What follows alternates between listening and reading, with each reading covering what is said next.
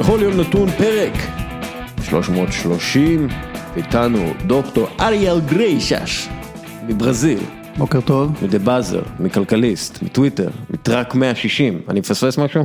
נראה לי מיצינו הכל, כן. אוקיי. לפני שאנחנו מתחילים את הפודקאסט הזה שיעסוק בספורט אמריקאי, אה, אני רק רוצה להזכיר שצריכת קפאין כשעה לפני פעילות גופנית תורמת לצמצום תחושת העייפות, ושהפרק הזה מוגש לכם בחסות קפה טורקי עילית. מה נשמע אריאל? הכל מעולה, מה העניינים? אתה איתי בא- באולפן. כן, איזה כיף, אחרי איזה שנה שלא הייתי פה. כל שנה? השאר היה, נראה לי מאז הסופרפול הקודם לדעתי. מה? כן, הפעמים הקודמות שדיברנו זה היה בטלפון, קורונה, אתה יודע, וזה. שנייה, לא היית פה ב- כשהקלטנו את הפודקאסט על, ה... על תחילת עונת הפוטבול? לא, עשינו את זה בטלפון. וואט? כן. באמת? כן. אוקיי. טוב, אה, אה, קרו הרבה דברים בארצות הברית. המון. אה, יותר מדי. אה, שתחיה בחיים מעניינים, כמו שקללה הסינית לא, ותיקה אומרת. תן לי, תן לי, אתה יודע. כן, קללה, בדיוק. תן לי. אה, אז ככה, בוא, בוא נדבר באמת על, ה, על השפעת הספורט, על הבחירות ועל הפוליטיקה האמריקאית כרגע, כי דיברתי על זה קצת עם דוקטור אלי קוק בפרק הקודם, והרגשתי שקצת, רק גירדנו את השטח. אה, אני חושב ש... אתה יודע, ההשפעה הגדולה, הכללית של, אה, של הספורטאים על הבחירות בארצות הברית, אה, היא בעיקר בכך שהם הצליחו להגיב בצורה נטולת פחד וללא מורא, מה שנקרא, לתגובות כגון stick to sports או shut up או. אה, ואתה יודע, זה תגובות שבעיקר נשמעו מצד אחד של המפה הפוליטית, והם, בעצם זה שהם התנגדו לתגובות האלה, ו- ודיברו, אתה יודע, straight up, כאילו אומרים, אתם לא תגידו לנו לשתוק, אה, אנחנו נקדם את האג'נדה שלנו ללא בושה, בתור ספורטאים, אני חושב שזה היה צעד מאוד חשוב ומשמעותי עבור אה, רבים בארצות הברית, אולי ה- נגיד ה- הרוב הדומם, איך שאומרים, אה, ואני חושב שהם גם, כשאתה מסתכל על רמת המעורבות הפוליטית אה, בארצות הברית כיום, שהם מגיעים לשיאים חדשים כל יום בהצבעות ובהשתתפות בהצבעה. אני חושב שלספורטאים, אתה יודע, מקולין קפרניק, דרך מייגן רפינור ועד, אתה יודע, אפילו מרקוס רשפורד, אנחנו רואים כאילו השפעה מהותית ומשמעותית של ספורטאים על השיח, בעיקר בקרב הצעירים, אה, שדרך אגב, דמוגרפית הם אה, העלו את אחוז ההצבעה שלהם בהרבה מאוד, אה, ופשוט, בעיקר בזכות זה שהם אמרו, אנחנו לא נשתוק, אתם לא תשתיקו אותנו. כן, אני חושב שראינו שינוי מאוד מאוד גדול בתגובה של הציבור ל- לספורטאים שמדברים על פוליטיקה. אם בעבר באמת התגובה הייתה תשתקו ותשחקו, או מה הם אומרים לנו, או מה זה עניינם, הפעם לא ראינו שום, כמעט שום תגובת נגד. אה, אפילו כשהשחקנים ב-NBA החליטו באמצע הפלייאוף לה- להשבית את המשחקים, אמנם זה היה רק לשלושה ימים, פשוט החליטו להשבית את המשחקים, אני לא נתקלתי ביותר מדי קולות שאומרים, מה זה השטויות האלה, תחזרו לשחק. מה, רגע, אתה היית, אתה היית ממש בבועה אז. אני, אני אומר, ברור לי שמהצד הימני היה זה, אבל לא הייתה תגובת נגד חזקה, הייתה הבנה של הסיטואציה, וכשהם חזרו לשחק ההרגשה הייתה שהם עשו את שלהם. עכשיו יש, יש פה שינוי שהוא באמת ברמה המנטלית נקרא לזה, שבאמת אה, הצעירים ראו שספורטאים מעורבים ונכנסו לפוליטיקה. לא נשארו בחוץ, ויש ממש את ההשפעה הפרקטית שבזכות ה-NBA וגם בזכות ה-NFL דרך אגב, פתחו מרכזי הצבעה בכל מיני אה, אה, איצטדיוני כדורסל. אה, פתחו, אה, פתחו מרכז הצבעה באטלנטה וראינו באטלנטה את האחוזי אה, הצבעה שהיו שם וראינו את זה בעוד מדינות. לך תדע, בוויסקונסין פתחו ב, אה, ב, ב, ב, באולם של מילווקי פתחו מרכז הצבעה, וויסקונסין נגמרה על 20 אלף קולות. לך תדע איך זה, היה- איך זה שינה את, ה, את המצב, כי זה downtown מילווקי, זה איפה שההארדקור דמוקרטים הולכים להצביע. אז ב- יותר מזה, אנחנו רואים בקרב הספורטאים עצמם, אם ב-2016 שחקני ה-NBA בערך 20% מהם הצביעו, אז השנה יותר מ-90% מהם הצביעו. כן. זה, זה אנחנו ראינו, יודעים. אני חושב ששקיל אמר שזאת השנה הראשונה שהוא הצביע בה בחיים שלו. כן. אמ, אז כן, אז הייתה מעורבות הרבה יותר גדולה, וזה אמ, באמת מעורבות גם ברמת ה mindset שזה חשוב לצאת להשפיע, וגם ממש הם השפיעו על הפוליטיקה. אתה יודע, זה מטולטלת כזאת לדעתי, אה, יכול להיות שפעם הבאה התגובה תהיה שונה, אבל אני חושב שבהחלט אה, יש פה איזשהו אה, שינוי באיך שמסתכלים על המעורבות של הספורטאים. כמו שאמרת, מרקוס רשפורד, מה שהוא עושה באנגליה זה, זה מדהים, ואני מפרגן לשחקן של יונייטד, זה לא קורה כל יום. אז, אז אני חושב שזה, שאנחנו נראה יותר ויותר מהדבר הזה, ההבנה שאי אפשר כבר להפריד את הספורט מהפוליטיקה, זה לא קיים יותר. זה גם, אתה יודע, זה קצת כמו לבקש להפריד את החיים מהפוליטיקה. זה, נכון. כאילו, יש השפעה להצבעה שלכם, יש השפעה למי שאתם בוחרים לנהל את, ה, את השטח, את העסק. חברים, יש השפעה לדברים האלה, וספורטאים מושפעים גם כן, והם אזרחים, ויש להם זכות שווה להביע את דעתם ולכתוב את דעתם. אה, וגם אני- לנסות להשפיע. אחד הדברים הכי חשובים שאני חושב ששמעתי זה שלא להביע דעה זה גם להביע דעה. כלומר, כשאתם אומרים לספורטאים אל תביעו את הדעה שלכם, אתם בעצם אומרים כן תביעו את הדעה, פשוט לצד שלי. אז זה לא שלא רוצים שהם יביעו דעה, לא רוצים שהם יביעו דעה לצד השני. אז הם הביעו דעה, הם לקחו אה, stand וראינו את השינוי הזה בארצות הברית, כמה זה השפיע, אני לא יכול לדעת, אבל אני בטוח שהיה לזה השפעה מסוימת. אה, אתה גרת בארצות הברית, גרתי מספר פעמים, כן. אה, איפה? בחוף המערבי, גרנו שנה בפיניקס וכמה חצי שנה בפורטלנד אורגון, מדינת ה... הליברליזם האמריקני. אה, Keep uh, Portland weird, כמו, כן, ש, כמו. שאומרים. אמ, אני לא יודע כמה, אה, דו- דובינסקי חברנו מאוריג- מאורגון, מאורגון, כן. אה, הוא כאילו אומר ש, שהיית, שלכל נשיא יש השפעה על הספורט. זה כאילו התפיסה שלו, השפעה כלשהי על הספורט.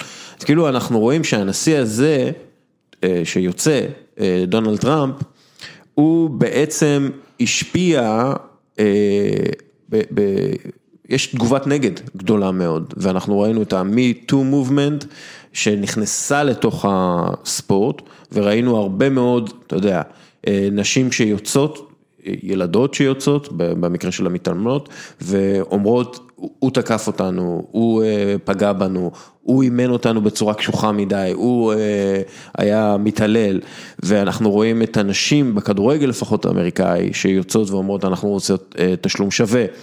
כלומר היה איזושהי תגובת נגד מאוד ליברלית למדיניות הלא ליברלית של הנשיא האמריקאי. אתה חושב ש... ודרך אגב, גם דובי משווה את זה למה שקרה עם אה, ניקסון וטייטל 9, שזה כאילו בעצם השוואת הזה, בסדר, אוקיי. אפשר, אפשר לנתח את זה לכל מיני כיוונים. אתה חושב ש, שתהיה, אה, קודם כל, האם אתה חושב שיש השפעה כלשהי מלבד מה שדיברנו עליו, או האם אתה חושב שיהיה עכשיו השפעה אחרת על, ה, על הספורט האמריקאי עם ביידן ו... ו... שאלה טובה, קודם כל יש לנו אה, סגנית נשיאה ראשונה, שזה גם כן התקדמות, האמריקאים עוד לא הצליחו לבחור נשיאה, אישה לתפקיד הנשיא, אבל לפחות לתפקיד סגנית הנשיאה, ולך תדע מה יהיה עוד ארבע שנים, ביידן הוא לא ילד, יכול להיות שהוא לא ירוץ וקמילה אה, האריס תהיה היורשת שלו. נהוג להגיד בארצות הברית שהתרבות מקדימה את המצב בעשר שנים והפוליטיקה היא עשר שנים מאחורי אה, המצב. אז יכול להיות שמה שאנחנו רואים זה בכלל, אה, זה ישתקף בפוליטיקה עוד חמש שנים או עכשיו, כלומר השינוי הזה של מיטו הוא הקדים את הפוליטיקה. אה, קשה לי להגיד מה יהיה השינוי. אה, אני, אני בהחלט חושב שמיטו זה היה תגובה מאוד מאוד חזקה לדונלד טראמפ. אה, אני מקווה שלא ייעצר השינוי עכשיו שכאילו, אוקיי, עשינו את שלנו, העפנו את טראמפ, כי זה ממש לא עשינו את שלנו.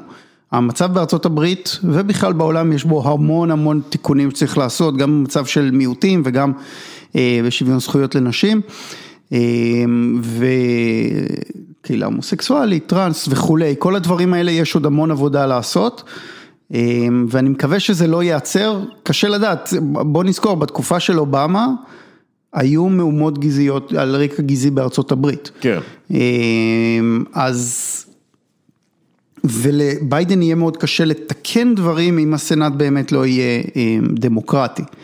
שכרגע הוא לא... כרגע, כרגע הוא תלוי באוויר, יש עדיין שני מרוצים בג'ורג'יה, שגם אם הדמוקרטים ינצחו את שניהם זה עדיין יהיה 50-50 ואז סגנית הנשיא היא זאתי שמכריעה, אבל יהיה לו מאוד מאוד קשה לעשות שינויים מבניים. אני לא מדבר בכלל על שינויים בחוקי הנשק, שזה משהו שכמעט בלתי אפשרי לגעת בו. אז הדרך עוד ארוכה לשוויון זכויות סוציאלי וכללי בארצות הברית. אני מקווה שזה לא ייעצר, אני חושב שיש בסיס איתן לשינוי, קשה להגיד לגבי הספורט מה יהיה השינוי, זה... אתה חושב שאנחנו נראה בעתיד הלא רחוק את לברון ג'יימס למשל רץ לתפקיד? זו שאלה מצוינת, זה נראה כאילו הוא, גם קריס פול קצת, אבל בעיקר... גם קריס פול שהוא בעצם עכשיו בתפקיד סוג של תפקיד פוליטי, כיושב ראש איגוד השחקנים. כן, וזה... לברון נראה כאילו, בסופו של דבר יכול להיות שההשפעה שלו מחוץ לספורט היא אפילו יותר גדולה מאשר בתוך הספורט. האם הוא ירוץ לתפקיד פוליטי? תפקיד פוליטי זה בעייתי כי אז אתה נכנס למקום שהוא שונה לגמרי ממה שאתה רגיל. מצד שני לברון הוא היום לא רק השחקן הכי טוב במאה הזאתי, הוא גם הספורטאי הכי משפיע במאה הזאתי מהבחינה, מחוץ לספורט, כלומר הוא שינה לגמרי את המעמד של השחקנים ב-NBA. אתה יודע כמה כסף הוא גייס לאסירים לשעבר, שעל פי חוק בכמה מהמדינות לא יכולים להצביע עד שהם מכסים את החובות שלהם לבית המשפט? הוא הצליח לגייס יותר מ-27 מיליון דולר בשביל למחוק את החובות האלה ולאפשר להם להצביע. כן. זה, אתה יודע, זה כאילו מה שנקרא בקטנה, זה, זה פשוט, אתה יודע, זה השפעה משמעותית. כן. אין ספק שהוא הספורטאי הכי משפיע במאה הזאת כנראה, בטח בארצות הברית, ולך תדע מה יהיה עוד ארבע או שמונה שנים אם הוא יחליט שהוא מתעניין באיזושהי כהונה פוליטית כלשהי, הוא מסוגל. אני בעד אדם סילבר שיהיה נשיא ארצות הברית. אפשר שהוא יהיה ראש ממשלת ישראל או משהו? הוא יהודי, הוא יכול, אפשר, בואו נביא אותו. אוקיי, אפרופו אדם סילבר. ב-NBA יחזרו למגרשים ללא קהל, זה כאילו, אתה יודע, כי לא יודעים מתי יגיע קהל. הייתה, הייתה איזושהי סברה שהם מחכים עד שיהיה חיסון ובדיקות מהירות וכאלה, לא קורה, הם יחזרו בלי קהל, הם חוזרים כדי לא לאבד את ההכנסות מהטלוויזיה, ובגלל שיש בעצם חלוקת הכנסות בין השחקנים לבעלים, לאף אחד אין אינטרס לאבד את מה שנותר מזכויות השידור, מה שנקרא, זה, זה לא מעט. תהיה ירידה כלשהי, אבל לא משמעותית. אז ככל הנראה חוזרים ב-22 בדצמבר, וזה אומר שיתקיימו משחקי כריסמס, שהם המשחקים המכניסים ביותר בשנה, בעונה הסדירה. בעונה הסדירה. ואז גם אפשר יהיה לסיים את העונה לפני האולימפיאדה, והרבה לפני שמתחילה ה-NFL, מה שיטיב עם הרייטינג, הרייטינג נפגע מאוד מזה ששוחקו משחקי גמר מול ה-NFL. לפי, לפי המקורות ב-NBA, אם המשחקים יתחילו בינואר ולא בדצמבר, אז הליגה תפסיד בין 500 מיליון דולר ל-1 מיליארד דולר. ש, ו, וזה בלי קשר לכך ש... 40 אחוז, כן, וזה בלי קשר לכך שההכנסות צפויות לרדת ביותר מ-40 אחוז בגלל שאין קהל במגרשים. בכל מקרה, ה-NBA בשביל להתחיל בדצמבר, היא, היא לא, היא לא מאיימת. בעצם, סליחה, ב-NBA די מאיימים על השחקנים, למרות שזה לא, זה לא מערכת היחסים ככה ממה שאני מבין, אין איומים, כן, זה לא שהאיגוד מאיים על הליגה והליגה מאיימת על האיגוד, זה לא, זה לא כן. עובד ככה, הם עובדים בשיתוף פעולה כי הם חיים על אותה קופה. אבל מה שקורה זה שה-NBA לא רוצה, לא רוצה להפעיל את הסעיף הפורס מז'ור ולצאת להסכם עבודה חדש, הסכם עבודה קולקטיבי חדש. כי, והשחקנים לא רוצים את זה בגלל שהם מקבלים עכשיו 50% מההכנסות וכל הסכם חדש בהכרח יוריד מההכנסות שלהם. אז מה, ש, מה שהם יעשו, זה הם ינסו לדחות חלק מהסכמי השכר, הם ישלמו כאילו מאוחר יותר כל מיני סכומים, ינסו להשאיר את התקרה בגובה פחות או יותר מה שהיא השנה, 109 מיליון דולר, אבל זה יהיה בצורה מלאכותית, בגלל שהתקרה קשורה להכנסות. נכון. אז מה, ש, מה שהם יעשו זה שפשוט יגידו, אוקיי, אנחנו מחשבים עכשיו 109 מיליון דולר, וזה יישאר ככה כמה שנים, עד שנתאזן עם ההכנסות שאיבדנו. אה, בעצם הם, מה שהם מנסים לעשות זה לדחות את כל הבעיות עד שיגיע הכסף, זה, זה בגדול. שזה מה שרובנו עושים כיום. כן, כן, ו, ובמקביל הם ינסו להגדיל את ההכנסות, איך? אז כאילו יש דיבור על יותר פרסומות מחברות אלכוהול והימורי ספורט, משהו שעשוי להכניס בין 80 מיליון דולר ל-100 מיליון דולר בעונה, ככה לפי החישובים, אה, יהיה אישורי חסויות על חולצות אימון. ואגב, לא מופרך לחשוב אה, בעיניי שיתחילו גם לדבר על אה, קבוצות חדשות, שה, שלפי דעתי המטרה היא להגדיל את הליגה מ-30 ל-32 קבוצות, ולמצוא משקיעים שיקנו שבעצם ישלמו יכניסו לליגה. יכניסו כסף לליגה. כן. זה... שיטה של הכדורגל האמריקאי. בדיוק, זה, זה בסביבות, אם, שתי, אם מדברים על שתי קבוצות, אז זה בסביבות שני מיליארד אה, דולר. ואז אתה יכול להגיד, אוקיי, בעלים, קיבלתם את הקבוצות, את הכסף, תנו לנו לפעול. אני די בטוח שזה, אנחנו נתחיל לשמוע דיבורים על זה בקרוב. דרך אגב, ככל הנראה, אם יפתחו, אז זה כנראה בסיאטל ולאס וגאס. כי זה, אתה יודע, סיאטל זה משהו שה-NBA מת לחזור כן, לסיאטל, ולאס וגאס זה, אתה יודע, פשוט איזי מאני בקטע הזה. כן, ונשבר המחסום, עכשיו שיש שם קבוצת פוטבול. וקבוצת NHL, יש להם אולם. נכון, כאילו. נכון. אגב, אני גם לא פוסל אפשרות של קבוצה קטנה, משוק קטן. שתעבור לשוק גדול יותר, בשביל להכניס יותר כסף מהזכויות שידור. אה, שיעבירו את אוקלהומה לאנשהו. אתה יודע, שיעבירו את אורלנדו מג'יק או משהו. כן. אה, כמה שפחות קבוצות בפלורידה, אני בעד. כן.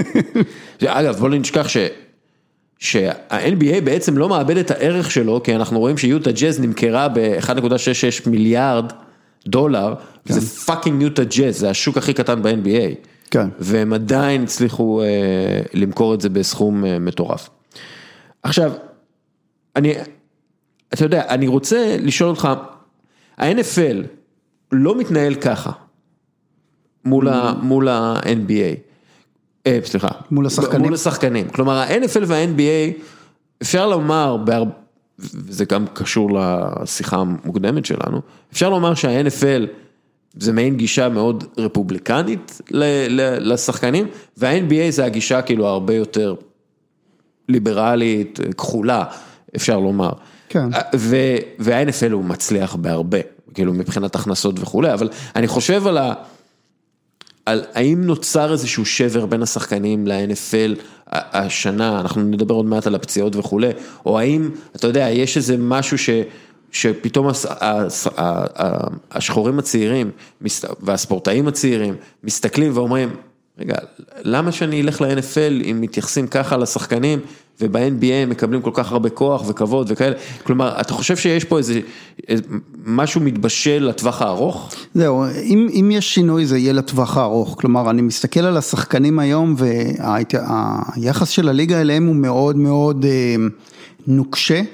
כל ההתנהלות בתקופת הקורונה וגם ההתנהלות לפני זה היא מאוד מאוד, אה, אנחנו קובעים ולכם אין יותר מדי מה לעשות. ואני לא רואה איזשהו, אה, איזה שהם שחקנים שיוצאים נגד זה בגלוי, אבל אני כן חושב שלטווח הארוך זה בטוח ישפיע מבחינת הבחירה של שחקנים ללכת לפוטבול. אמ, וכאשר תהיה להם בחירה בין קריירה בפוטבול לבין קריירה בכדורסל, לאיזה כיוון הם ילכו, ובכלל הספורט הזה הרי הוא ספורט מסוכן ואנחנו יודעים את זה ופחות ופחות אנשים ילכו לשם. אנחנו לא רואים את זה כרגע, הליגה נראית אה, טוב, השחקנים נראים טוב חוץ מהעניין של הפציעות, אמ, אבל אין ספק שזה, שזה יחס מאוד מאוד אמ, הרבה יותר אה, מעביד, עובד. מאשר מה שאנחנו רואים ב-NBA שזה הרבה יותר שותפות בין השחקנים לבין ההנהלה. אמ, ב-NFL זה באמת מעביד עובד ומעביד עובד, אה, אני לא, לא אקח את זה לקיצוניות, אבל בהחלט השחקנים נמצאים במדרג מאוד מאוד נמוך בשרשרת המזון. אמ, אנחנו רואים את זה בתקופה של הקורונה במיוחד. ש... אגב, אנחנו רואים את זה גם בכדורגל. דרך אגב, אנחנו רואים שבכדורגל, השחק... ה-NFL מתייחס לשחקנים שלו קצת כמו שהכדורגל והרשויות כדורגל מתייחסות לכדורגלנים. הם חפץ שצריך אה, לשחק כמה שיותר משחקים. בכד, בכדורגל זה עוד יותר גרוע כי יש לך את ההתאחדות האנגלית אבל יש כן. לך גם או הפרמייר ליג, אבל יש לך גם את הוופא ופיפא שכל אחת עם הליגת האומות שלה וכל אחת עם המשחקי ידידות שלה רוצות למקסם את הכסף מהשחקנים ובסוף מי שמשלם את המחיר זה, זה השחקנים. ואנחנו רואים פציעות, תראה, רק השבוע, רק בסוף השבוע הזה, יוזו אקימך נפצע במיניסקוס, אנסו פאטי נפצע, נפצע בפניס, במיניסקוס, ונראה לי שטרנט אלכסנדר ארנולד יהיה בחוץ להרבה זמן. יהיה בחוץ להרבה זמן גם כן, נראה לי, אני לא יודע, אין עדיין דיווחים. אני מסתכל רק על ליברפול, שקבוצה שבקושי הפסידה שחקנים בשנה הקודמת והשנה כבר ונדייק בחוץ, את יאגו ראינו משחק אחד, פביניו שיחק אה, חצי משחק, טרנט אלכסנדר עכשיו בחוץ. אה, אני לא מדבר על מאטיפ שהוא אה, מחמיץ משחקים סדרתי. אתה יודע מה, בוא תראה, תשמע, אני שלח, אתמול דיברנו על זה, כן? אז קבל את הנתון הזה. בין 1997 ל-2002 היו 31 קריאות גיד אכילס ב-NFL, ממוצע של 5.2 לשנה. כש-35 מהן, מהקריאות האלה, הן בקדם עונה. במשחקים ובאימונים של הקדם עונה. בין 2009 ל-2016 היו 101 מקרי קריאות גיד אכילס. 12.6 בשנה, כלומר פי שתיים ועוד כן. יותר. 64 אחוז בקדם עונה. וב-2020, שבה אין קדם עונה, יש כבר יותר מ-15 פציעות כאלה. ואנחנו, אתה יודע, אנחנו... אמצע העונה. אמצע העונה, וזה כבר מעבר לממוצעים אה, של בין 2009 ל-2016. דרך אגב, אנחנו רואים אה, לאורך השנים, בטרנד, אה, יותר פציעות אכילס ו-ACL, גיד, רצועה צולבת, ויותר פציעות כאלה, שאנחנו דיברנו על זה ואמרת, זה מהירות וגודל, זה נכון, אבל זה גם, זה גם, אנחנו רואים... אה, בזה שאין קדם עונה, כמו כן. שצריך, השחקנים נכנסים לקצב אה, אחרי מנוחה של הרבה זמן, בעצם, או לא מנוחה, או רק, אה, אתה יודע, עבודה ללא כדור, מה שנקרא, ואז הם פשוט לא עומדים, הגוף שלהם לא עומד בקצב. כן. ואנחנו רואים את זה בכדורגל, יש עלייה אדירה בפציעות שריר, ועלייה בפציעות מניסקוס וב-ACL, ודרך אגב, דצמבר וינואר, והולך להיות טבח. כן. זה, זה הולך להיות נורא. אנחנו נראה לא רק את קימיך ואנסו פאטי וטרנט אלכסנדר ארנולד נפצע וורג'יל ונדייק וזה, אנחנו נראה את הכוכבים הכי גדולים לא יכולים לסיים את העונה. וזה פשוט ירי בראש של, של זה עצמי. לא, זה לא, זה לא מזיז להם. זה לפרנסים, כאילו, מה, אנחנו נדע, אני אמשיך לראות את ליברפול. אמ, דרך אגב, אנחנו רואים בארצות הברית, אני לא יודע לגבי אירופה, אנחנו רואים ירידה דרמטית בצפייה בספורט בתקופת הקורונה. עכשיו, כן. מאוד קשה להגיד למה זה קורה, אם זה בגלל שחסר קהל, בגלל שלאנשים יש דברים יותר חשובים על הראש. אמ, אבל אנחנו רואים ירידה בספורט וירידה בהכנסות. אגב, ולא רק בארצות הברית, גם באנגליה כן. וגם באירופה. אנחנו... שאנגליה ואירופה זה כבר לא אותו דבר חברים. כן, כן, זה, אני, האמת היא שאני ציפיתי שיהיה הפוך, כלומר אנשים תקועים בבתים ולאנשים אין אסקפיזם למעט ספורט, אז זה מה שהם יראו, אבל מסתבר שזה לא עובד ככה המוח האנושי. ויותר מזה אני אגיד לך משהו, יש לך כדורגל כל יום. נכון. יש לך ביום ראשון וביום שני וביום שלישי וביום רביעי וביום חמישי וביום שישי כי חייבים וביום שבת ואז יום ראשון. ואז כן. אתה, אתה, אתה יודע, אני, אני, אני עוקב אחרי כמה שיותר, כן, כי זו העבודה שלי. אני לא מתלונן שזו העבודה שלי, אבל מי יכול לעמוד בקצב הזה? כן. ואתם גם מורידים את כל הערך של הוואו, אירוע ספורט. למה, למה המונדיאל נצפה על ידי מיליארדים לגבי מיליארדים על גבי מיליארדים כל יום? בגלל שזה קורה כל ארבע שנים. כן. כאילו אם זה לא היה קורה כל ארבע שנים, זה היה קורה כל חודש, אז אנשים לא היו צופים בזה, אז אוקיי, משחק בין fucking מקסיקו לקטר, who gives a fuck. זה כן? בכלל, אבל גם, אה, גם פרמייר אה, ליג, אני, אני, אני פעם הייתי רואה המון משחקים ויצא לי העונה כבר שבתות לא, לא להדליק את הטלוויזיה או לא, לא לראות משחקים, כי באמת נוצר איזשהו עומס, עכשיו הם מדברים גם על אה, סופר ליג אירופאי. אוקיי, ברצלונה יובנטוס פעם בארבע שנים, וואלה זה אירוע.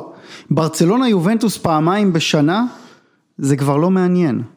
אה, וזה, וזה לדעתי, זה ייצור בדיוק את אותו אפקט, הסופר ליגה האירופי, זה מין אה, חוסר עניין. אתה יודע שבשווקים הגדולים, ליגת האלופות בשלב הבתים, פשוט לא מביאה אנשים למסכים, כן. אנשים לא רואים את זה. עכשיו אני לא יודע מה קורה ברייטינג בישראל, אני יודע שאני הייתי מתלהב לראות כל יום אה, שלישי ורביעי, לפני 20 שנה אני הייתי מתלהב לראות את זה, הייתי ממש, אתה יודע, מחכה לזה, לימי ליגת האלופות, היום אני, אני רואה את זה כי אני חייב. זה, זה ממש ככה, אני ממש מרגיש תחושה, מה, תגידו לי, באמת רציני? כן, הפע, הפערים בין הקבוצות הגדולות כן. לקבוצות הקטנות גדלו, ואז כל מי שזה יודע שהוא ימשיך לשלב הבא, כל אחת מהגדולות, אולי תהיה לך פה ושם הפתעה, אנחנו רואים את ריאל נניח השנה בליגת אלופות לא משהו, אבל רוב הזמן זה יהיה אה, משחקים די משעממים, ואז אתה מחכה לשלב, ה, אה, לשלב הנוקאוט, ושם זה כבר נהיה מעניין, והשלבים המוקדמים לא מעניינים, ועוד יותר גרוע, הם גם דחסו השנה את ליגת האלופות, אה, שלושה שבועות רצוף, זה הביא לעומס עצום על השחקנים, קבוצות חייבות קיצור, ההתנהלות של הספורט בעולם היום היא מאוד מאוד בעייתית, היא יוצרת אה, הרבה מאוד עומס. תשמע, אני גם חושב שמה שקרה עם, ה, עם הקורונה, בגלל שכל הליגות נדחו, קרה לנו מצב שיולי, אה, אוגוסט, ספטמבר, היו עמוסים בספורט בטירוף, כאילו כל יום היה לך NBA פלייאוף, ואחרי זה נכנס לך, והיה כמובן פרמייר ליג, וליגת אלופות היה טורניר שהיה כל יום משחק, ואחרי זה אה, נכנס הפוטבול, והיה לך את הפלייאוף של, של הבייסבול, והפלייאוף של ה-NBA. בקיצור, אה, יש גבול לכמה אנשים יכולים לצרוך ספורט, אה, ואז הם בוחרים רק את הדברים שבאמת מעניינים אותם. אגב, אנחנו לא, אנחנו בכלל לא מודעים ל, להשפעות ארוכות הטווח של הקורונה על הספורטאים. כן. אנחנו כאילו גם מסכנים, אתה יודע, אומרים, אה, הוא נדבק, ההוא נדבק. אנחנו לא יודעים מה הנזק ארוך הטווח של זה. מדברים על נזקים נוירולוגיים, אתה יודע, לך תדע, עוד 15 אה, שנה יגלו אה, מלא אנשים שחוטפים התקף לב. על משהו, על משהו כן. שקרה. רק אתמול ראיתי דרך אגב שטרנד בראון, ה offensive tackle של אה, אוקלנד, הוא חטף את הקורונה לפני חודש לדעתי, אולי קצת פחות, ואתמול ראיתי שהוא נכנס עוד פעם לרשימת פצועים של קורונה, לחודש הקרוב, בגלל סיבוכים של קורונה. עכשיו זה הכל מוצנע ככה, אתה יודע, כן. כי זה, זה, שחקנים של פוטבול זה next man up. אה, ולך תדע איזה השפעה, ראינו, יש השפעות אה, על הלב, אנחנו יודעים שיש השפעות על הלב, לך תדע איך זה ישפיע על ספורטאים. כן, אנחנו לא, לא יודעים מה, מה יקרה עוד אה, זה, וכשעוד ועוד שחקנים ידבקו, בטוח יהיה לזה איזה שהם השפעות, אני לא יודע, על השפעות ארוכות טווח באמת, אנחנו לא יודעים את זה. אה, ואנחנו צריכים גם לזכור ש... אתה יודע, זה נשמע הזוי, אבל אשכרה שולחים אותם, הרבה שחקנים, אתה יודע, מטיסים אותם ממקום למקום, עכשיו בכדורגלנים ושחקני הפוטבול, ואתה יודע, ב-NBA לפחות סגרו את כולם בבועה, ואתה יודע, עשו בדיקות כל יום וכולי. Mm-hmm. אה, פה היום למשל ריאל מדריד מישהו חולה בקורונה אז אומרים להם או טוב בסדר אתה לא חולה עכשיו לך תשחק, הוא הולך לשחק מדביק אה, שחקני ולנסיה, חוזר לחדר הלבשה ואז אנחנו אוי עוד 13 שחקנים אה, כן. בריאל מדריד חולים בקורונה. אוי בוולנסיה.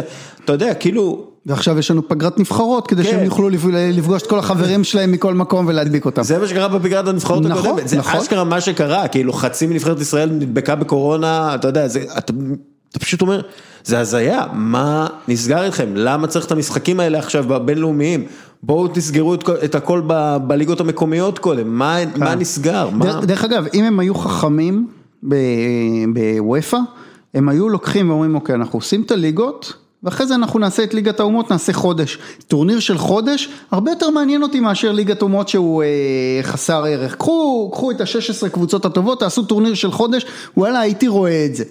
אה, אבל ככה זה, זה פשוט חסר ערך. דרך אגב, בפוטבול, אם בהתחלה הם היו מאוד זהירים לגבי הקורונה, כלומר אה, נדבק שחקן בקבוצה והשביתו את הקבוצה לשבוע ודחו משחקים, עכשיו הם לא עושים כלום. הם פשוט אומרים אוקיי, תעבדו קצת בווידאו, נעשה בדיקות, אף אחד אחר לא נדבק למחרת, יאללה תחזרו להתאמן, יש משחק, שבוע שעבר הניינרס אה, שיחקו ביום חמישי כשחצי מהשחקנים שלהם או פצועים או עם, אה, ברשימת פצועים של הקורונה ופשוט משחקים ומקווים שהכל יהיה בסדר, מתישהו זה יתפוצץ להם בפנים, כלומר אין היום קבוצה בערך ב-NFL שאין בה איזה שחקן חשוד בקורונה ומתישהו זה יתפוצץ, אנחנו ראינו את זה במכללות במכללות הם חזרו בחלק מהמקומות לשחק, והיה שם קבוצות שלמות שנדבקו, פשוט נאלצו לבטל משחקים. הפאק 12 חזר לשחק אה, פוטבול השבוע, עם המון בדיקות ועם המון זה, שני משחקים נדחו בגלל שקבוצות עם אה, עשרות חולים. אז אה, מתישהו זה יקרה לדעתי גם ב-NFL ואז זה יהיה בלאגן מאוד גדול כדי להתחיל להזיז משחקים, שזה הפחד משום מה הכי גדול שלהם. אנחנו בדיוק בדקה 30 של הפוד, ואני רק רוצה להגיד, וופא מטומטמים. אה, בואו נדבר... דרך אגב, אני, אני יכול להגיד משהו שלא קשור בכלום לפוד, אבל כן קשור לוופא. זה פשוט אה, אחרי המשחק אתמול, היה שני משחקים כאלה אתמול. אני חושב שהגיע הזמן שפרנסי הכדורגל יכירו בעובדה שלשחקני כדורגל יש ידיים. והם לא יכולים להעלים את הידיים האלה. ואז אולי הם יבינו שכדור לפעמים פוגע ביד גם אם השחקן לא התכוון. כי כל הפנדלים שהולכים היום, הפנדל שהיה אתמול שג'ו אה, גומז חטף, הוא ניסה להזיז את היד, הוא לא הספיק, הכדור הגיע מהר. לשחקני כדורגל יש ידיים, תכירו בעובדה הזאת. זהו, אמרתי את שלי. אני חושב שצריך, אה, הרחבה לא צריכה להיות קריטריון לפנדל. קריטריון לפנדל. אני מסכים. פנדל זה משהו אחר, אם נגיד שחקן רץ לבד וחוטף אה, פאול לפני הרחבה, זה פנדל. במקום כרטיס אדום תן לו פנדל. אם אה, שחקן פוגע לו ביד ובתוך הרחבה, אתה יודע, יתגלגל לו כדור לתוך הרחבה, לא יצטרך להזיז את היד, זה לא פנדל, והוא בקצה של הרחבה. זה, זה לגמרי, זה אני אומר כבר בוא, שנים שחוק ת... הפנדל הוא מטומטם. כן, משחק, משחק, תשחקו אבל, פשוט. אבל, גם, אבל הוא לא ישתנה בקרוב, לפחות אם יש חוק פנדל, תכירו בעובדה שלשחקנים יש ידיים והם לא יכולים לעשות הרבה כדור מגיע במהירות, הם לא, אין להם את היכולת תגובה, מה אתם רוצים, שהם ישחקו כל היום עם הידיים מאחורי הגב, זה לא הולך לקרות, ג'ו גומז דיבר על זה אתמול אחרי הרעיון. בריאיון אחרי המשחק, הם לא יכולים לשחק עם ידיים מאחורי הגב, ידיים זה חלק מהשיווי משקל של שחקן. בגלל שנילסון לא אימן אותם. גם, כן. אה, שיקשרו את הידיים. כן. הוא לא רצה שיפילו שחקנים לדעתי, לא בגלל... לא, לא, הוא לא רצה עם ה... כן. כי הוא ראה שגם אה, אריק בנאדו וגם אמיר שלח יוצאים כל הזמן עם הידיים, כאילו, מרחיבים את הגוף שלהם, אז הוא אמר להם, לא, לא, לא. אה, מאוד חכם. טוב. בואו שנייה נסכם את ה-NBA ואז נעבור ל-NFL. תגיד, הולך להיות פרי אייג'נסי די מופרע, לא? או שאתה מרגיש שזה כאילו כולם יעבירו את השנה? שאלה טובה, כי התקרת שכר היא ככה הכל באוויר כזה, ומצד שני אין איזשהו, הדראפט הזה לא הולך אה, לעשות איזשהו שינוי דרמטי. יש אה, פה ושם שחקנים חופשיים טובים, ויש לנו את הסיפור עם יאניס שהתפתח. אמ, מה זה התפתח? יש, התחילו כבר דיבורים על trade, נכון? אמ, עדיין לא ממש. לדעתי זה לא יקרה לפני אה, פתיחת העונה, אם זה יקרה זה יהיה באמצע העונה, אם הוא יראה שמשהו לא מסתדר.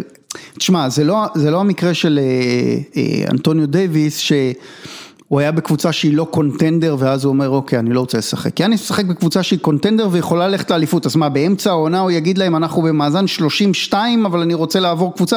זה לא עובד ככה. אה, או זה יהיה מאוד מאוד בעייתי מבחינתו. אה, השאלה אם הוא יחתום על חוזה ארוך טווח, כי אני בטוח ש... שיהיה עליו לחצים לעשות את זה. נראה, אני מאוד מקווה שהוא יישאר במילווקי, כי למרות שהקבוצה שאני אוהד אה, משחקת מולם, אני חושב שזה טוב לליגה שיש שחקנים טובים גם בקבוצות שוק פחות גדול, ולא הייתי רוצה לראות אותו מגיע לגולדן סטייט או זה, דאלאס היה יכול להיות מעניין לראות אותו עם לוקה, אבל עדיין, הייתי מעדיף שה, שהכישרון יהיה יותר מפוזר על הקבוצות בליגה, זאת ההרגשה שלי. אמ, אתה חושב, אתה חושב שאנחנו נראה שינוי משמעותי ב-NBA אמ, מבחינת ה-free agency? אתה חושב שנראה באמת, אתה יודע, לא יודע, לוס אנג'לס לייקרס מביאה כוכב שלישי גדול, בוסטון סלטיקס מחתימה את אה, לוקה דונצ'יץ'. אה, אני לא חושב כן, שאנחנו נראה את מה שראינו, שנה שעברה ראינו, אה, היה פרי אייג'נסי די מטורף. אני לא חושב שנראה את אותו דבר עכשיו. לא, אין פרי אייג'נסי, כאילו הפרי אייג'נסי, הפרי אייג'נס לא כאלה מעניינים, נכון. אבל האפשרויות לטריידים מאוד מעניינות. כן, אמ, השאלה אם תקרות השכר מאפשרות את זה, אני לא עד כדי כך מתמצא, אני, ברור לי שיש קבוצות שינסו לעשות מהלכים, ההימור שלי שדאלאס תנסה לעשות איזשהו מהלך גדול, כי היא מרגישה שעם לוקה היא יכולה ללכת רחוק, ומרק קיובן הוא מהמר. אני מרגיש שבוסטון עוד פעם האוהדים שלה יישארו עם אה, הלשון בחוץ, אה, למה לא הבאתם שחקן? כי דני איינג' לא אוהב להמר. אה, הלייקרס לדעתי ירגישו טוב עם מה שיש להם, זה הביא להם אליפות, הם ינסו להמשיך הלאה. אה, אני לא חושב שנראה שינויים דרמטיים, בטח לא ברמה של שנה שעברה. אה, אולי גולדן סטייט ינסו לעשות משהו. אה, גולדן סטייט זה בהחלט אופציה, כי הם נמצאים במצב מאוד אה, מעניין כרגע. כן, על פניו, אתה יודע, אין, אתה לא יודע מי הם צריכים, זה לא שאתה לא יודע, כן, הם, לא. הם, לא צריכים, הם לא צריכים צעירים בקבוצה שלהם, כי סטף קרי וקליי תומפסון ודריימונד, הם צריכים עכשיו מישהו שיעזור להם לזכות באליפות. נכון. ובחירת דראפט מספר 2, לא משנה מי זה יהיה, הוא לא יגיע מוכן ל-NBA. נכון. אה, הוא יכול להגיע כשחקן מאוד טוב לעתיד וכל הדברים האלה, אבל אתה צריך שחקן עכשיו.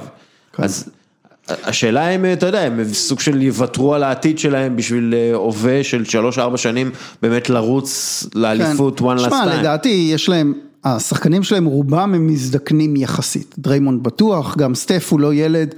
אה, ההיגיון אומר ללכת על זה כאן ועכשיו. אה, כי אין לך טעם לבוא, וגם זה לא שיש לך בדראפט איזה שחקן שאתה אומר אני לוקח אותו ועוד שלוש שנים הוא מוביל את הקבוצה שלי, אני לא מרגיש שיש שחקן כזה. אני, מאמין גדול בדני אבדיה. כן. באמת, אני לא, אני לא צוחק. ברמה הזאתי, אני חושב- הוא לא לוקה. הוא לא לוקה, אבל הוא יכול להיות שחקן מוביל ב-NBA ב-borderline all-star. אוקיי, טוב, זה מעניין. אני, אני מאמין בזה ואני מאמין בו, ודרך אגב אני חושב שגם אה, מאוד התרשמו ממנו בגולדן סטייט, ומאוד התרשמו ממנו. לדעתי, לדעתי גולדן סטייט לא ייקחו אותו מסיבה אחת. סטיב קר הוא סבל מעומרי כספי מהשדרים, מהעיתונאים הישראלים במשך שנה, הוא בטח אמר no more, כאילו. אה, אה, יכול להיות, אבל אה, אני, אה, בוא נגיד ש... שאבדיה, ממה שאני יודע, לא אה, דיבר אך ורק עם אה, קבוצות בלוטרי. והוא דיבר עם קבוצות... אה, Mm. יכול להיות שיש שם trade, כן? כן, אה, אז, אז נגיד את זה ככה. מקווה בשבילו שלא יגיע לקליבלנד. כן, אני לא, אני פשוט לא יודע בוודאות עם מי, עם, עם מי הוא דיבר, לכן אני לא, אני יודע בוודאות שדיבר עם קבוצות לא בלוטרי. אה, אז כן, מאוד יכול להיות שינסו אה, להעביר אה, ב-trade אותו איכשהו, אולי גולדן סטייט, אולי קבוצה אחרת, לא ידוע. אה, טוב, עוד משהו על ה-NBA שאתה חושב שצריך אה, לקשקש עליו? לא, נראה לי זהו, זה... אנחנו ב... אפילו לא, לא, התח... לא הגענו לדראפט, בו יש עונה כרגע של פוטבול, אפשר כן. לדבר עליה. אז סבבה, יש לנו עכשיו ככה 20 דקות פלוס לדבר על אה, פוטבול, אז בואו נדבר על פוטבול. אה, עונה מאוד מעניינת דרך אגב. עונה מאוד מעניינת ומאוד מוזרה, אני חייב להודות שבגלל העומס של הספורט, לא הצלחתי לראות הרבה יותר מדי משחקים מלאים, משהו שאני בדרך כלל עושה. אה, השנה אני באמת ניזון מכל מיני, אתה יודע, גם כן. היילייטים וגם אה, אה, כתבות וכולי. מה, מה הסיפור הגדול בעיניך? כאילו בשנה שעברה זה היה, אתה יודע, קנזס סיטי ופטריק מהומס שפרצו כן. והפכו למפלצת שהם. השנה לא נראה שיש את אותה דינמיקה ל- לליגה. זה, זה מצחיק, כי התרגלנו אליו. אה, אה, סתם, המספרים שלו, 25 טאצ'דאון, interception אחד. הוא, אה, אתמול הוא זרק לארבעה טאצ'דאונים והגיע ל-100 טאצ'דאונים הכי מהיר בהיסטוריה, שבר את השיא של דן מרינו, הגיע לדעתי ב-39 משחקים, דן מרינו הגיע ב-44. כן, הוא היה בקצב לזה, כאילו זה משהו שדיברו זה- עליו, כאילו זה, גם בשנה שעברה. זה קצב מטורף, כן. שבוע שעבר הוא זרק לחמישה טאצ'דאונים מול הג'טס, זה יותר מכל הטאצ'דאונים שהג'טס עשו בעונה. אה, טוב, בסדר, זה אתה כן. זה הג'טס, אבל עדיין, הוא, הוא, הוא באמת, הוא, אנחנו כבר התרגלנו לרמה הזאתי שהוא כבר לא סיפור, אה, אבל להרגשתי בעשר שנים הקרובות פטריק מהומס הוא ה-MVP unless משהו אה, קורה, כלומר צריך לקרות משהו מיוחד כדי שהוא לא יהיה ה-MVP, כי הוא באמת ברמה, ברמה מדהימה, כאילו אתה מסתכל אהרון רוג'רס נותן עונה מצוינת, וראסל ווילסון נותן עונה מצוינת, וריאן טנהיל נותן עונה מצוינת, וג'וש אלן נותן עונה לא רעה, והם לא מדגדגים אותו, כאילו... זה, זה, זה, קנזס סיטי הפסידו אחד, היה היה מגיש אגדי בבייסבול, קראו לו בוב גיבסון, שהוא הגיש, היה לו איזה עונה בשנות ה-60, שהוא היה, שהוא באמת, היה לו עונה כל כך טובה, שהמאזן שלו היה 28-4 ואמרו, לא מבינים איך הוא הפסיד 4 משחקים, אז גם כן אז עשיתי, אני לא, כאילו לא ברור איך הם הפסידו משחק אחד, כי גם אם ההגנה שלהם לפעמים לא משהו, או משהו לא עובד, פטריק מהומס מציל אותם. אז דרך אגב, אתמול הם היו לא רחוקים בכלל מלהפסיד. אבל עדיין הוא, הוא מספיק טוב כדי להוביל אותם. זה מעניין יהיה לראות כי ה-AFC השנה מאוד מאוד top-heavy מה שנקרא. כן. אז הרבה, הרבה קבוצות טובות. ב... יש בדיוק, יש משהו כמו חמש קבוצות שהן נראות ממש טוב, אנחנו מדברים על פיטסבורג שעוד לא הפסידה העונה. אתמול ביג בן ככה קצת נפצע, חזר. ביג בן זה הקוורטרבק. כן, והם עדיין כאמור ללא הפסד, 8-0 כבר, אז הם בהחלט contender. יש לנו את טנסי שנראתה טוב, קצת ירדה, אבל עדיין נראית טוב מאוד, יש לה מאמן מצוין. בפלו נראית לא רע. ובקיצור יש שם, ובולטימור כמובן. כל הקבוצות האלה זה חמש קבוצות שכל אחת מהן יכולה להגיע לסופרבול, למרות שכמובן קנזס סיטי היא עדיין הפייבוריטית, פיטסבורג קרובה אליה. ה-NFC לעומת זאת זה לא ברור מה הולך שם, יש שם הרבה קבוצות. הרבה קורונה. כן, הרבה, הרבה קבוצות שלא ברור, כלומר כל פעם שאתה חושב שאיזושהי קבוצה רצה, פתאום אתה, זה נניח סיאטל נראתה מצוין ואתמול הפסידה לבאפלו בצורה די מוחצת, לא נראתה טוב. טמפה ביי התחילה את העונה ככה בינוני, נראתה טוב ואתמול חטפה בראש מניו אורלינס. אתה אתמול ראיתי את הנתון הזה, שטום בריידי, המשחק הראשון שלו עם אפס טאוצ'טנים ויותר משלושה אינטרספצ'נים, שלושה או יותר אינטרספצ'נים, מאז 2006. אוקיי. זה המשחק השלישי שלו בסך הכל בקריירה, כזה נפילה. זה מה שקורה כשהוא לא עם בלצ'ק, לא סתם. כן, הוא היה נראה שהכל מסתדר באמת בשבועות האחרונים, בריידי נראה הרבה יותר נוח בהתקפה, ונראה שטמפה ביי נכנסו לקצב, גם גרונקובסקי נראה טוב, ואתמול בלילה עוד לא יצא לראות את המשחק, רק את ה-highlights שלו, אבל בהחלט נראה שכאילו פתאום זה התפרק. גרינביי שלך נראתה מצוין, פתאום שבוע שעבר מפסידה למינסוטה. אז מאז היא כבר הספיקה לכסח את, את הניינרס הפצועים. זהו, ניצחו את ניינרס חלשים מאוד, אבל גרינביי נראתה טוב עד שהם מפסידים לטמפה בצורה מוזרה, נכון. ואז הם... כן, בקיצור מאוד מאוד לא ברור שם, גם ו... ניו אורלינס הם נראים ו... טוב, נראים לא טוב, אתה לא יודע. וניו אינגלנד, פטריוטס. גם כן קשה מאוד לנתח את מה שקורה שם. אה, לא, לא, זה ברור מה קורה אצל הפטריוטס. אין, כישר, אין, כישרון, אין שם כישרון בכלל. באמת, הם אה, במשך שנים הם עשו בחירות דראפט לא טובות. ועכשיו זה הכל מתפוצץ בפנים כשאין כן, שם את תום כן, בריידי? כן, אין תום בריידי. במשך שנים בלצ'ק המאמן הציל את בלצ'ק ה GM ותום בריידי הציל אותו. אין בריידי. יש הרבה שחקנים שהחליטו לא לשחק בגלל הקורונה, בעיקר בהגנה, אין רסיברים בכלל, כאילו ג'וליאן אדלמן שהוא הרסיבר הכי טוב אז הוא פצוע, הרסיבר מספר 2 פצוע, הם באמת עולים עם שלושה undrafted בתור רסיבר, זה בדיחה. וזה לא שהקווטרבק שלהם הוא תום בריידי, כן, קם ניוטון הוא נחמד, אבל הוא לא, הוא לא זה שינצח לך משחקים. דרך אגב, הפטריוטס באמת היו הם מאזן 2-5, הם היו יכולים להיות גם על מאזן 5-2. כן. הם הפסידו שלושה משחקים באמת בשניות האחרונות ולא הצליחו, ככה זה פוטבול, כן? אבל זה אופי של קבוצה, והאופי של הקבוצה הזאת בש... היה בשנים עם בריידי, היה לנצח את המשחקים האלה בלעדיו, הם לא מנצחים את זה. בסדר, זה שנת מעבר. בוא נגיד night שיהיה היום בינם לבין הג'טס לא נראה לי ימשוך הרבה רייטינג. כן, עדיין אתה יודע, הרייטינג של ה-NFL זה לא משהו שאפשר להתחרות איתו בכלל. ברור, ברור, אני אומר ביחס nights אחרים, זה לא בדיוק אטרקציה גדולה. מה אנחנו חושבים על, אתה יודע, מי הם מצטיינים בעונה עד כה? כי זה גם כן משהו שאתה מסתכל, כן, פטריק מהומס והחבר'ה שלו בקנזס. כן. ואז אתה מסתכל וגם שוב הרבה פציעות, הרבה שחקנים שהיו אמורים לפרוץ או לשחק יותר, כמו סקמן ברקלי, כן. או אודל בקאם אפילו, הם נפצעו וגמרו את העונה. כן. יש איזושהי תחושה שהסטאר פאוור קצת נחלש. אני לא, אני לא יודע, כי כל שנה יש לך את הפציעות האלה, זה נכון שזה מרגיש שהשנה יש הרבה מאוד פציעות, דווקא קווטרבקים יחסית לא נפצעו הרבה, חוץ מגרפולו לדעתי אין לך אף קווטרבק אה, בקליבר גבוה שנפצע, שזה טוב לליגה. אני חושב ש... אנחנו רואים עלייה ברמת הקווטרבקים כל הזמן, כלומר המספרים שאנחנו כן. רואים אה, הם באמת אה, ברמה גבוהה. ושחקנים שפעם היו בינוניים, פתאום אתה רואה ריין טנל דופק רייטינג של 110, אה, כל מיני דברים כאלה. זהו, יש, יש לא מעט שחקנים ש, ש, שנראים טוב, ראסל ווילסון היה נראה באמת בקצב לרוץ ל-MVP השנה, במשחקים האחרונים, במיוחד מול בפלו, הוא היה נראה לא טוב, יש לו דרך אגב רסיבר מדהים, די.קיי מטקלף. אה, שהוא באמת אה, הולך להיות, הוא הולך להיות כוכב בליגה להרבה שנים, אה, אם יישאר בריא.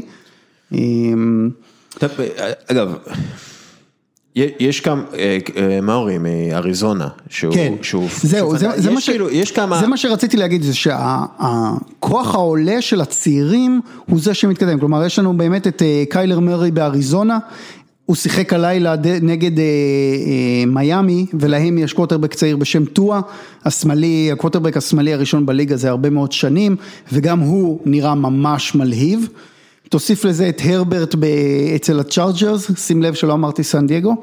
אה, נכון, הם לא סן דייגו. הם לא סן דייגו, הם בלוס אנג'לס, אבל אני תמיד נופל על זה. בקיצור, הרברט נראה מצוין. אמ, בסינסנטי יש את, אה, את הקווטרבק אה, אה, הצעיר שלהם. ריברס עם, עם הניסיון tackle הכי מביך בכל הזמנים. כן. זה, זה, אני לא, זה כמו שחקן כדורגל שמנסה לעצור מישהו בדרך לשער ופשוט כאילו עושה tackle לאוויר, זה בערך כן, זה מה כן. שזה היה. הוא נשכב על הדשא עם כן. הידיים למעלה ופרפר כמו ג'וק הפוך, באמת היה מביך, הוא הולך להפוך להיות מם אכזרי, לנצח את המם של ה... הקווטרבק של הג'איינטס שנופל שנייה לפני ה end zone לבד מפיל את עצמו.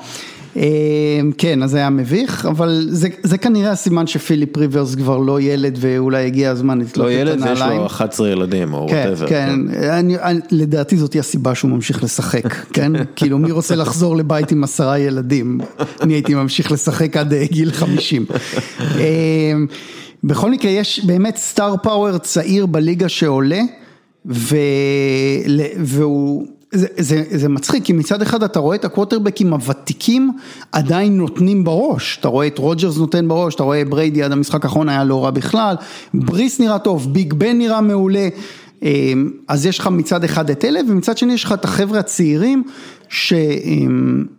שמשחקים שונה, זה הרבה יותר משחק שהוא אה, אתלטי, משחק שכולל ריצה, אז זה מהומס ולמר ג'קסון אמ, ודיברנו על הרברט שהוא קצת אה, פחות ריצה. אגב, לא אמרת ראסל ווילסון. אמרתי בהתחלה את ראסל ווילסון, ראסל אוקיי, ווילסון אוקיי. הוא איפשהו באמצע, כלומר הוא, אה, כבר יחסית יותר מהוותיקים בליגה. הוא כבר עשר שנים בליגה. כן, כן, אה, הוא כבר די הרבה שנים בליגה. אוקיי, בוא, בוא, אמ, אנחנו, אני עכשיו עובר לסופרבול אודס ב-The Lines, זה אתר שאני מאוד אוהב, שהוא פשוט מפרסם את כל הליינס של האתרי הימורים המובילים, ואז אתה יכול לדעת בערך מי הפיבוריטים. כן. אז אני אגיד לך את השמות ואתה תגיד לי מה אתה, מה אתה חושב, אם, אם זה נכון או לא. כן. מה שנקרא beat the odds. כן. Uh, הפיבוריטית כרגע היא קנזס סיטי. כן. זה ה-team to beat, אין שום ספק.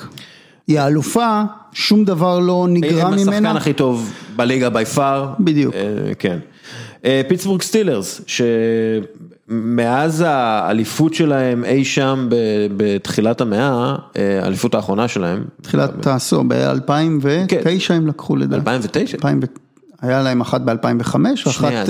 היה 2009? טוב. הרי הם הפסידו, בסופרבול גרין ביי. ושנה לפני זה הם לקחו אליפות כן, מול נכון, אריזונה. נכון, נכון, נכון, נכון. כן. אה, אז, אז, אז הם, אה, הם אה, שניים. עם אחוזים פחות טובים מהקנזס סיטי צ'ייפס. כן, פיטסבורג, התחושה שלי זה שהם פתחו קצת חזק מדי, ואנחנו נראה היחלשות בחלק השני של העונה. כי ביג בן הוא פציע, הוא לא צעיר, ומתישהו כל זה ירד, זו קבוצה מאוד מאוזנת, זו קבוצה טובה, כן, יש לה רסיברים מצוינים, יש לה מאמן טוב, אבל בוא, בוא נגיד שאם הייתי צריך להמר על הפתעה ב-AFC זה לא היה עליהם. ואני אומר, אחרי, אחרי שהם הביאו את... אחרי שהם הפכו את פנסילבניה לכחולה, לכחולה אני איתם. תנו, תנו לפיטסבורג כבוד. לנצח, כן. כן, טמפה ביי הם מקום שלישי.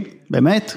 גבוה כן, מדי. הם, זה ההימורים, אני אגיד לך, יודע, מישהו, לא... מישהו, מישהו צריך להגיע מה-NFC, כן? אה, אז למה לא הם? אז למה לא הם? כן.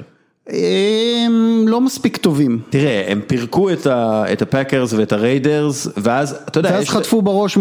מניו אורלינס, הם לא יציבים, זו קבוצה שכשהיא ממושמעת, היא נראית מצוין, כשהיא לא ממושמעת, זה נראה רע.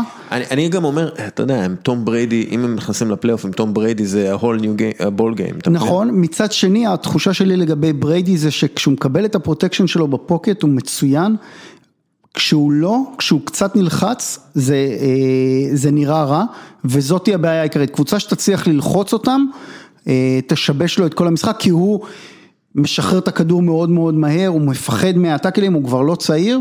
אה, מה זה הוא לא צעיר? הוא זקן, הוא איש זקן. בסדר, הוא צעיר ממני בשנתיים, אל תיתן לי אה, לקרוא לו זקן. בוא נגיד בימי הביניים הוא היה כמה שנים אחרי המוות שלו. כן, כנראה. כן, סיאטל סי-הוקס הם אה, מקום אה, רביעי בפייבוריטים, שוב, אה, ראסל ווילסון נותן, אתה יודע, זהו. משחקים אדירים. הבעיה של סיאטל, ממה שאנחנו רואים, ראינו את זה אתמול מצוין נגד בפלו, זה שההגנה שלה ממש ממש חלשה נגד המסירה, וזה יהרוג אותה. כי יש גבול מ- לכמה מצ- קסמים ווילסון מסוגל לעשות. מ- מצ- וגם, אבל זה לא רק ווילסון, זה יש להם את, איך קוראים לו, אה, מטקלף, אה, שעושה כן. דברים מדהימים, אתה יודע, כרסיבר צעיר, זה...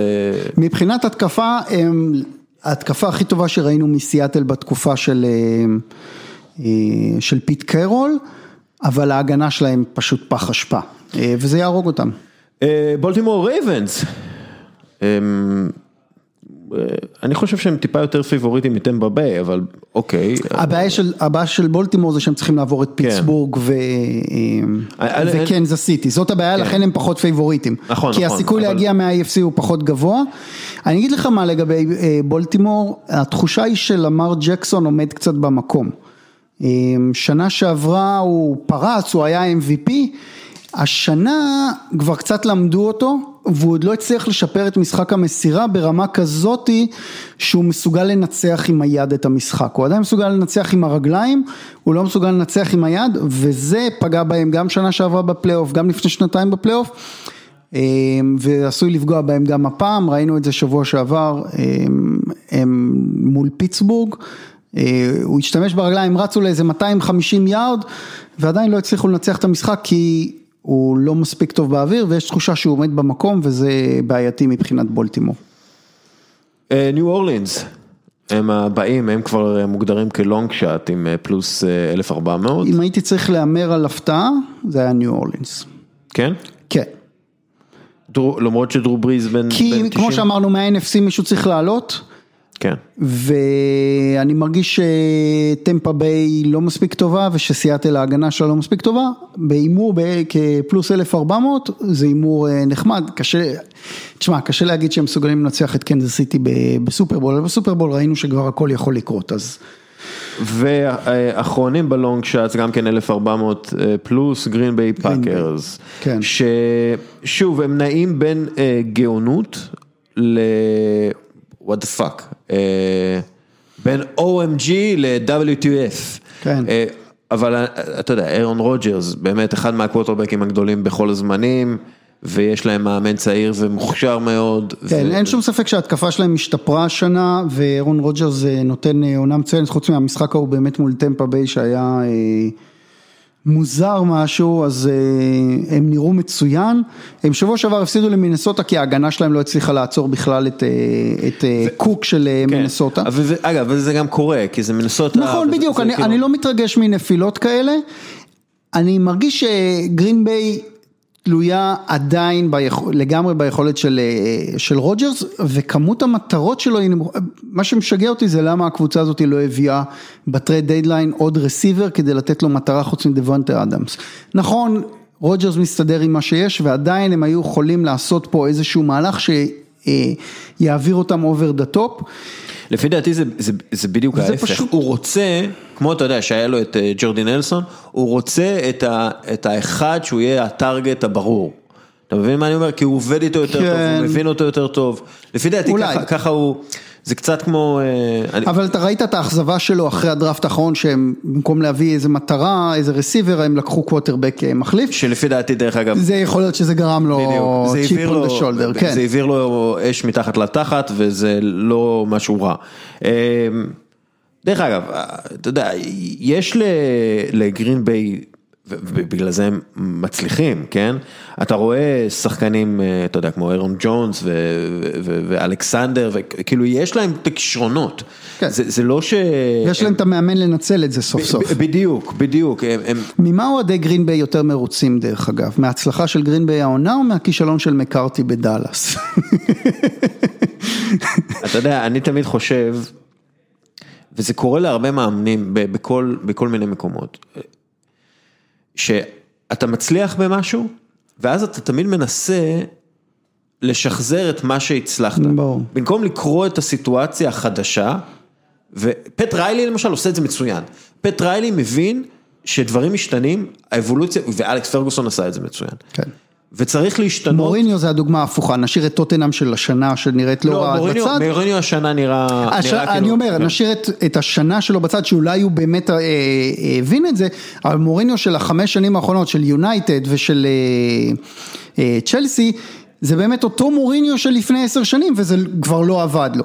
אה, אז מקארתי זה לגמרי אותו דבר, זה one trick pony, והוא מנסה את אותם דברים שהוא עשה בגרין ביי, רק שאין לו את רוג'רס, ועכשיו אין לו בכלל. כן, אין לו, אין לו, אין לו כאילו, הוא אפילו רבע רוג'רס, הוא כן. פותח, אתמול פתח שחקן שזאת הייתה הפעם הראשונה שהוא פותח במקצוענים, וזה לא שהוא יום ראשון בליגה. וזו הייתה התלונה העיקרית על ארסן ונגר, כשעכשיו אני נכון. מסתכל על ארסנל, ארסנל הפסידו עכשיו אה, לאסטון וילה, אני, אני לא, לא כעסתי ככה ממשחק של ארסנל הרבה זמן, אבל אה, אה,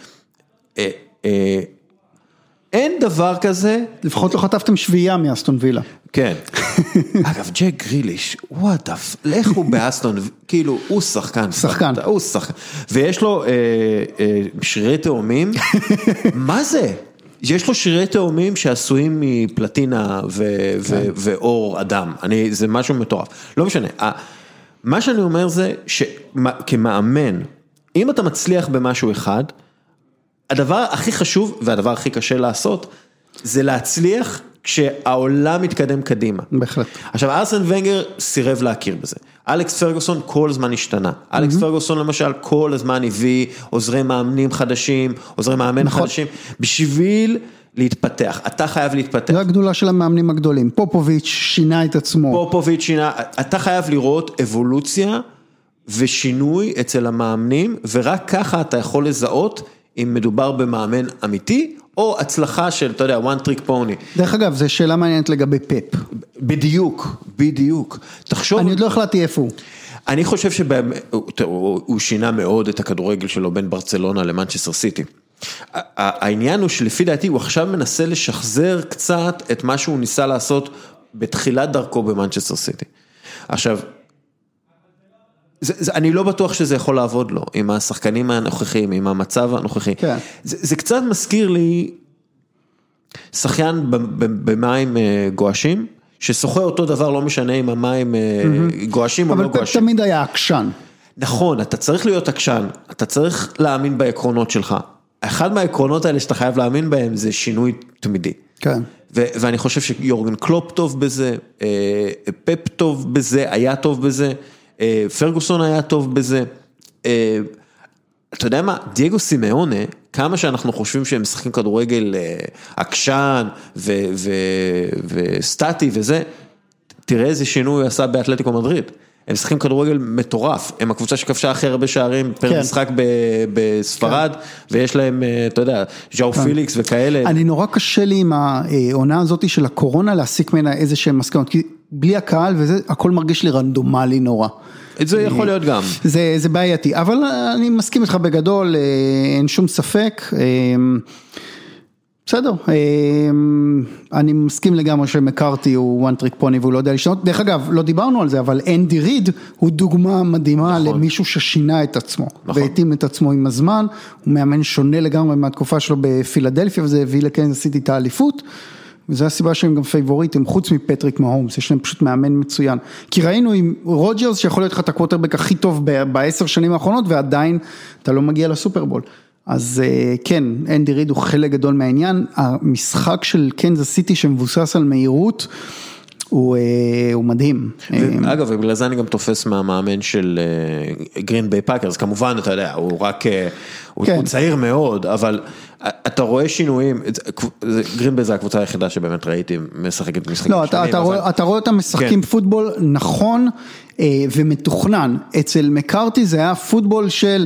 מתוכנן ומתוכנן, הוא לא אבל, לא אבל הוא היה מתוכנן ברמה כל כך צפויה שבסוף רוג'רס היה חייב לאלתר. הפעם הדרך שבה רוג'רס משחק, אתה רואה שזה מתוכנן, כלומר המהלכים הרבה יותר מורכבים ומתוכננים וזה לא בנוי על יכולת האלתור של רוג'רס אה, וזאת הסיבה שאני כן עדיין מחזיק מגרין ביי וחושב שיש להם סיכוי טוב. האמת ב-NFC זה הכל פתוח, לא יפתיע אותי אף קבוצה מבין גרין ביי, טמפה, ניו אורלינס. אה, דרך אגב הרמז אני לא יודע מה הם מסוגלים לעשות, אריזונה אני לא יודע מה הם מסוגלים לעשות, נכון הם, לא- הם לא נראים כמו קונטנדרס אבל הם, הם אה, זה, סיאטל כמובן, כל הדברים האלה לא יפתיע אותי, אה, שיקגו, לא סתם אני צוחק, דרך אגב לראות את ההתקפה של שיקגו זה באמת כמו אה, אה, צבע מתייבש יותר מעניין, באמת זה, זה לעקור לך את העיניים בסריגה, זה כואב הלב, זה לא שאין שם כישרון, זה, זה אימון ברמה הכי נמוכה, אה, ואתה יודע, ירדתי הרבה על טרוביסקי בעבר, זה, אין ספק, שום ספק שטרוביצקי הוא לא איזה עילוי גדול, אבל אין שום ספק שזה, שלי עכשיו שגם זה, זה פשוט אימון גרוע, כי אתה רואה עם ניק פולס שהם לא מצליחים לעשות כלום. הקו ההתקפה שלהם מזעזע, הם לא מצליחים לשמור על הקווטרבק, אין להם שום אה, קריאטיביטי בהתקפה, אה, זה נורא ואיום. שוב, הכל עניין, גם בזמן הקורונה, הכל עניין של התפתחות ויכולת של מאמן להסתכל על מה שהוא עשה טוב ולבקר את עצמו, למתוח על עצמו ביקורת, ומה שהוא עשה רע ולמתוח על עצמו כן. ביקורת. ו- וזה- בקורונה היכולת להיות גמיש היא לדעתי קריטית, קריטית. כן, לד- במיוחד שאתה פתאום צריך לאלתר נכון. מגן- מגן ימני או וייד רסיבר בגלל שהוא לא ישחק נכון, איתך שבועיים. חודש. אה, כן, כן. אה, טוב, אה, שנה מאוד מוזרה. כן. אה, אם היא מסתיימת עם אה, טראמפ בבית ופוטין אה, מפוטר, הלוואי הלוואי, אז לא. אתה יודע, הכל היה שווה את זה, אבל סתם, בוא, אה, בוא נסיים עם זה, בוא נסיים את הפרק הזה. עוד משהו שאתה רוצה למסור לאומה? לא, היה, סך הכל היה שבוע לא רע, סוף סוף לראות את טראמפ הולך הביתה זה באמת היה משמח מאוד. עדיין הוא לא הולך הביתה. בסדר, הוא אה, הוא sore loser. יש, יש, יש, יש, בבית בוא, המשפט. נתראה בבית המשפט העליון. כן.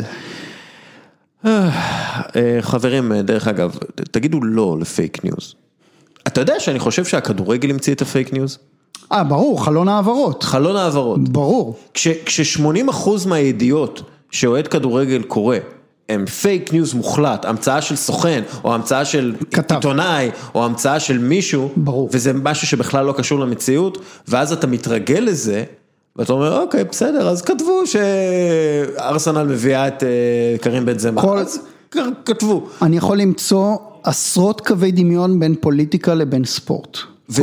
זה, וזה החמיר עם השנים, זה החריף, ואתה יודע, קודם כל רואים את זה כמשחק סוג, אה, סכום אפס. כולם, בדיוק. כולם, הפוליטיקאים, התומכים של הפוליטיקאים, אין, אין כאילו אפור, זה יש, ניצחת, הפסדת, אין, אין אפור, זה יש כחול או אדום, אני, אני. לא מתבייש להודות שחלק גדול מהשמחה שלי הייתה פשוט שמחה לעד ב- בסוף השבוע האחרון כשהכריזו על ביידן, זה היה שמחה לעד.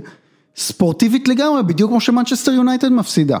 אה, ו- וזה ככה, אה, אנחנו מסתכלים על ספורט ככה, על פוליטיקה כעל ספורט, אנשים מצביעים לאו דווקא למועמד שהם רוצים, אלא פשוט נגד הצד השני, אני רוצה שהם יפסידו.